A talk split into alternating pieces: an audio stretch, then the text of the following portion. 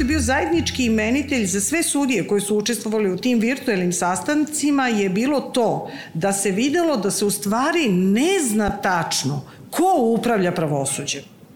Ne zna se tačno ko donosi odluke o tome kako će pravosuđe da funkcioniše. Videlo se da postoje više organa koji donose različite odluke.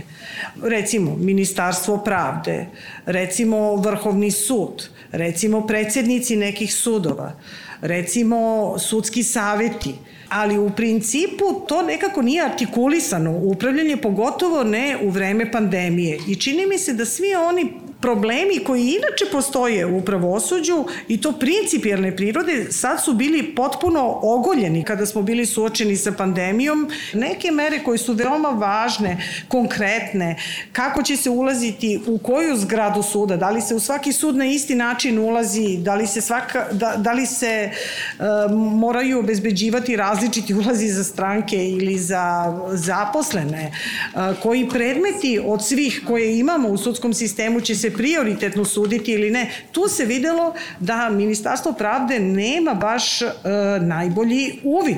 I logično je da nema najbolji uvid, u to, u to bi trebalo da imaju uvid predsednici sudova i e, sudski saveti kao jedna vrsta upravno-sudske vlasti. Nama se čini da to e, još uvek Visoki savet sudstva nije prisvojio to što mu logično pripada da upravlja sudskim sistemom, on to nije nije prisvojio, da predsjednici sudova nisu shvatili, ili barem pojedinih sudova nisu shvatili, da su oni izvor podataka, da su oni prvi koji opažaju šta treba da se radi i kako treba, prvo u njihovom sudu, šta treba signalizirati sudskom savetu kao vrhovnoj upravnoj vlasti u sudstvu, da tako kažem, da bude regulisano. Ista je stvari sa kolegama advokatima, recimo bilo je reakcija od strane advokatske komore da je neprihvatljivo da se neka suđenja odlažu jer stranke moraju da imaju pristup pravdi i tako dalje. Ja to razumem, a razumem i kolega advokate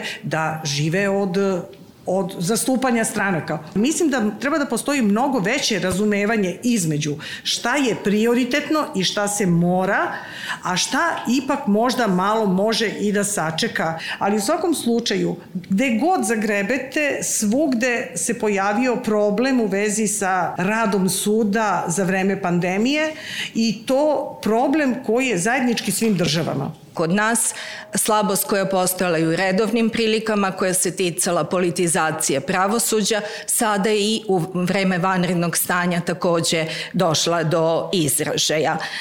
Međutim, da kažem da bez obzira na sve, e, nedopustiva je takva neaktivnost ne samo parlamenta, nego i Ustavnog suda, gde posebno podcrtavam da se Ustavni sud u vanrednom stanju Znači, definitivno prvi put oglasio tek 1.5.2020. godine. I to kako bi demantovao uh, neke izjave u medijima vezano za, vezano za okolnosti organizacije rada tog suda uh, što je svakako nedopustivo tim pre što je 23. maja 2020. godine odbacio uh, ocenu inicijative za prispitivanje uvođenja vanrednog stanja, ali ono što je najopasnije, tom prilikom se nije bavio o neustavnosti odgovarajućih propisa koje su doneti u vreme vanrednog stanja. Karakteristično je da bez obzira na redukovan rad sudova i da većina suđenja se odlagala, Ministarstvo pravde kao ni Visoki savet sudstva u tom trenutku nije uspeo da obezbedi sredstva i opremu za sprovođenje zaštitnih mera građana i zaposlenih u pravosudnim organima i da je u jednom dužem vremenu regulisanje tog pitanja bilo prepušteno na snalaženje predsednicima sudova. Pravo na pravično suđenje je kompleksno pravo pa bi svoje izlaganje jedino dopunila možda i nekim konkretnim iskustvima koji su u vezi ovih organizacije suđenja na daljinu i posebno uh, podstakla diskusiju prisutnih u pravcu kako gledaju na suđenje i presude koje su donete pre nego što je doneta uh, uredba o ovim suđenjima, odnosno presude koje su donete samo na osnovu preporuke ministarstva koje je uputilo 26. marta da uh, se postupci koji se vode protiv lica koje su prekršile mere samoizolacije uh, radi zaštite zdravlja organizuju se putem takozvane Skype veze. Odmah nakon takve preporuke ministarstva e, usledili su i javni nastupi najviših predstavnika izvršne vlasti u medijima, gde su e, najavljivali očekivanje zapravo, da budem precizna, e, najstrožih odluka.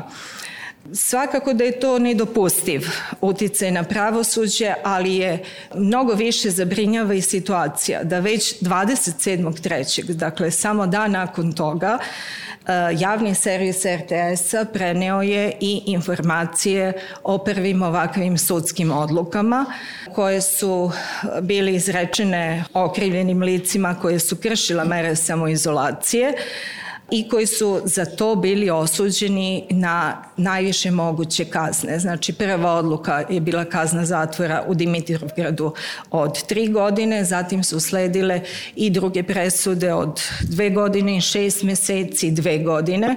U trenutku donošenja ovih presuda e, nije postojao nikakav pravni osnov u nacionalnom zakonodavstvu, odnosno zakonik o krivičnom postupku nije pružao mogućnost da okrivljenima u prvostepenom krivičnom postupku bude suđeno na ovaj način.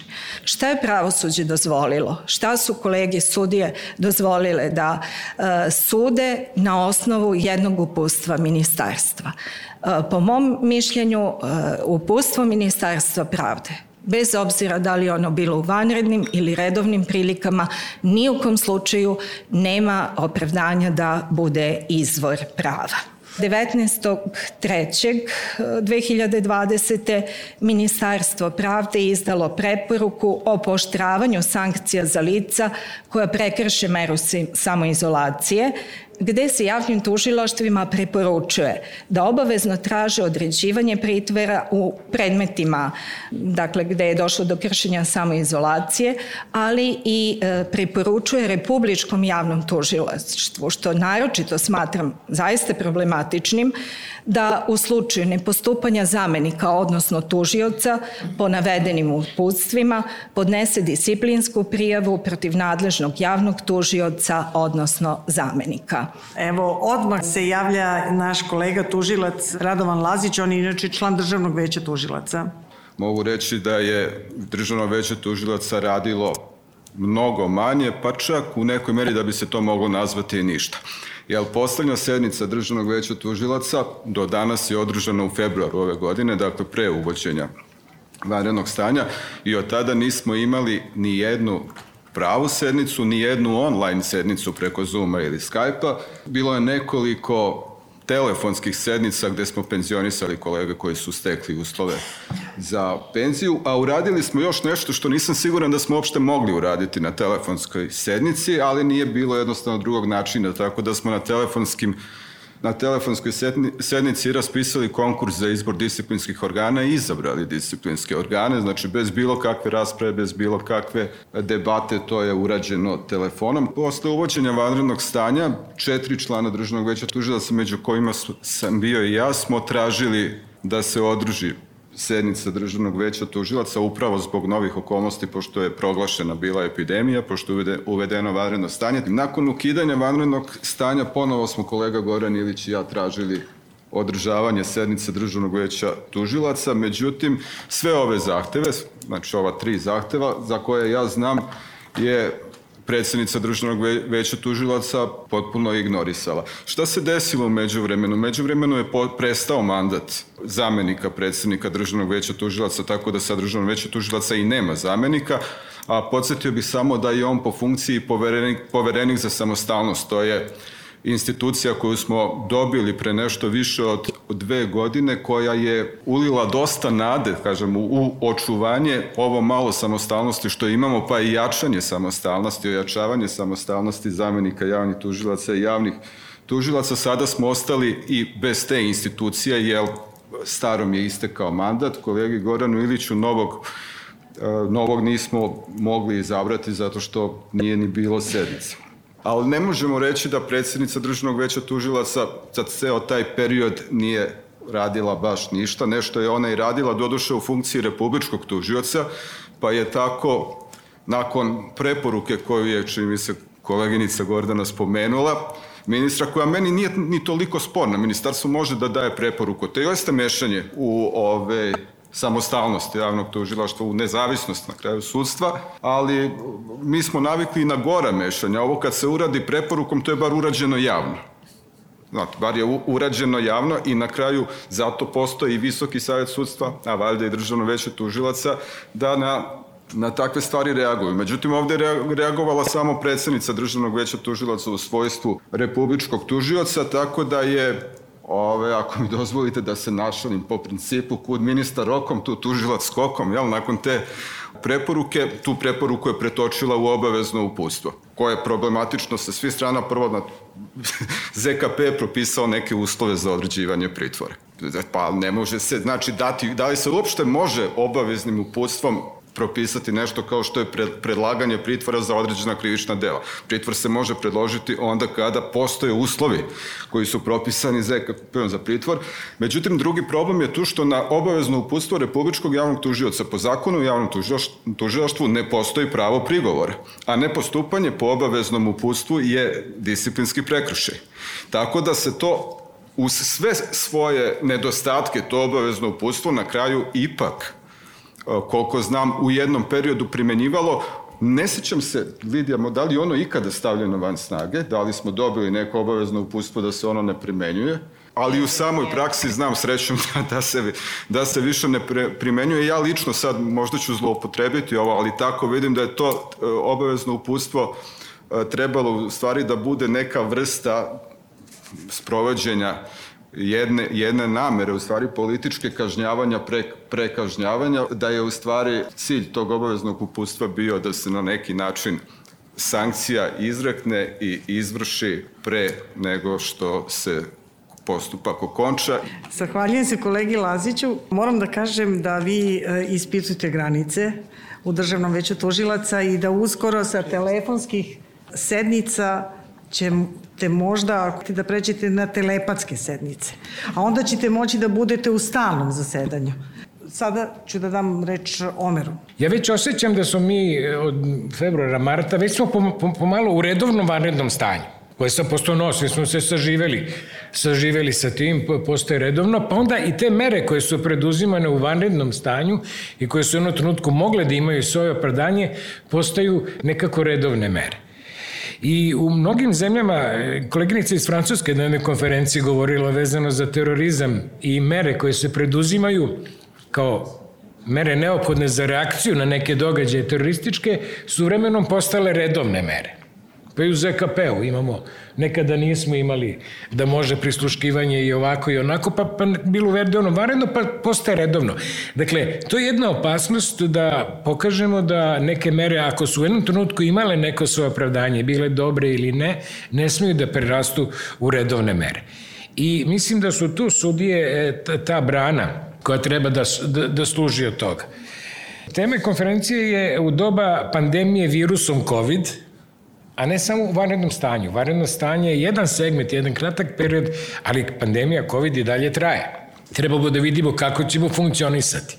Dakle, jedne mere su vezane e, za rad suda, kako će sud da radi. I tu zaista po meni Visoki savjet sudstva i ovi nisu dobro reagovali. Kako ćemo zaštititi zdravlje tehničko pitanje, zdravlje sudija, oni koji dolaze, da li sud treba da radi, koliko dugo treba da radi, I drugo pitanje koje se otvara jeste kakve su odluke, odluke suda, kako sud postupa e, u svemu tome. I mislim da su ove mere zapravo pokazale, otvorile pitanje naše nezavisnosti i samostalnosti. Mi smo nekako to sve, e, barem neke sudije, kao vidim, vidimo, su to prihvatile onako bez ikakve rezerve. Odmah kazna zatvora tri godine. Problem jeste, ako neko donosi neke uredbe koje krše ljudska prava, ali zato su sudi, sudije tu da to zaštite, da to ne dozvole da se desi u praksi. To je papir što donese e, ministarstvo preporuku, je tako? To je papir, ali taj papir ne može da se sprovede bez nas. Po stoti put smo pokazali da još uvek nismo u stanju da caru kažemo da je go, da mu kažemo ne. Ne, ne može to suđenje. Ne može da, suđenje preko Skype-a iz tih i tih razloga. Tu je Ustavni sud za mene zaista kao i uvek. Mi znamo da u principu naš Ustavni sud pravilo je, šta god ga pitate, njihov kategorički odgovor je možda. Možda. I nikad ništa ne znamo. Dakle, nikad ni o čemu se ne izjašnjavaju u, e, kad, kad je vreme da se izjasne. Kad je trenutak da, da kažu da, ne, vi, vi ste granica. Ne reagujemo. Zašto predsjednici sudova ne reaguju? Isto govori o njihovoj samostalnosti i nezavisnosti. Za, zašto što uvijek čekamo da nam neko od ozgo da znak? Pa evo vidimo reakciju Republičkog tužilaštva. Reagovo je, isto je čekao da ima šta neko gore kaže, tako? Pa, pa ću onda ja znati šta ću ja da uradim. Javila se za reč naša koleginica, zamjenica apelacijonog tužioca u Beogradu, Lidija Komle. Kakve su posljedice sa aspekta tužilaštva koje je dovelo vreme pandemije, a ja bi to nekako definisala s aspekta kolektivne svesti mojih kolega tužilaca i zamenika tužilaca nakon što je republički tužilac donao ta tri, obavez, tri su obavezno upustva, ali to obavezno upustvo od 19.3. gde je propisano obavezno, da kažem, predlaganje pritvora i hitno postupanje za krivične postupke za određena krivična dela nije usledilo nakon preporuke Ministarstva pravde koje je bilo napismeno, jer to i nije pisalo u preporuci Ministarstva pravde, To obavezno pusto je usledilo nakon gostovanja državnog sekretara Ministarstva pravde na određenim televizijama, što celu situaciju čini još mnogo gorom. To što piše tamo može da obavezuje i ne mora, ako, upravo ako imate integritet. I pojedine kolege, pošto znam iskustvo i čula sam se sa kolegama, pojedine kolege su rešile, ja bi na ovom mestu rekla da ignorišu to što piše u obveznom pusu, pa da se pridržavaju zakona. Barem onog dela koji se odnosi na postupak predlaganja pritvora. Bilo je kolega koji su predlagali i neki bili su slučajevi u javnosti koji su se odnosili da su ljudi bili u pritvoru kad je određivan pritvor, iako čak i nije bilo elemenata e, za vođenje postupka, to su prepostavljam te oslobađajuće presude. Ja kažem, zašto ste predlagali pritvor kad je očigledno da nema ni D od krivičnog dela? Međutim, kaže, mi smo osjećali potrebu da se uputi poruka društvu. E sad, to je moje pitanje svima nama kao profesionalcima, pa sudijom, sudijama i tužiocima, jer očigledno nisu samo tužioci osetili po, potrebu da u negdje nekom momentu uh, postupaju slepo, onako kako je napisao republički tužilac, iako smatram da to ne treba da se radi, ali očigledno su postojale i sudije koje su osetili istu tu potrebu da upute određenu poruku društvu. Zaista šta mi to radimo? A posledica sledeća sa aspekta postojanja ili nepostojanja samostalnosti, pa ne više i nemamo. Znači, ni, ni, da kažem, ni prividno. Pogotovo nakon nekih poslednjih slučajeva, a da ne kažem i odnose policije i svega ostalog, nažalost, posledica je ta da je parlamentarna vlast, zakonodavna vlast prešla u ruke izvršne vlasti i to je po meni, barem meni se čini, glavni highlight motiv cele priče i nastavka priče i nakon vanrednog stanja. Predsjednica Ceprisa Vida Petrović-Kero, inače naravno sudi Vrhovnog suda. Mi smo bili u situaciji da u jednom trenutku, a taj trenutak traje do dana današnjeg, mi faktički imamo u funkciji jednu granu vlasti ovu našu sudsku vlast. Od uvođenja vanrednog stanja zakonodavna vlast radi tri ili četiri dana da bi proglasilo sve divno, zakonito i pretočilo zakone uredbe i odluku o vanrednom stanju koja se donosi, ja kažem moje lično mišljenje, bez obzira što je odbačena, e, odbačen zahtev za ocenu ustavnosti, da smatram da procedura donošenja odluke o vanrednom stanju, što sam izrekla javno preko medija nije ustavna, jer nije poštovana procedura. Predlog od neovlašćenog lica, procena nemogućnosti zasedanja Skupštine nije izvršen i prva uredba koja je doneta o mnogim pravima potpisana je nekako potpisuje, propisuje Ustav od strane predsednika vlade i su potpis predsednika države, nego potpisana od predsednika države i drugi potpis Ne znam da li se tretirao kao supotpis od gospodina Dačića, ne znamo u kom svojstvu. I tako počinje ulaženje u tu normativu koja zamenjuje odluke, znači Skupština.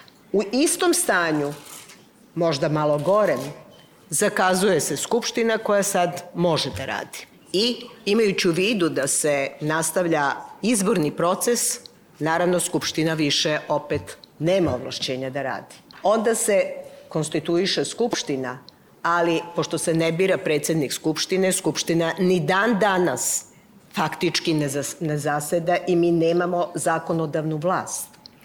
Imamo sada i izvršnu vlast koja ne može da funkcioniše, jer samo hitne mere može vlada da donosi, pošto ona više posle izbora ne može da funkcioniše. I imamo jednog predstavnika izvršne vlasti, mada to još u teoriji ostaje veliko pitanje da li je predsednik države nešto što je sui generis ili je predstavnik izvršne vlasti, ali se sve više smatra da jeste, znači imamo nekoga kao pojedinca i imamo sudsku vlast.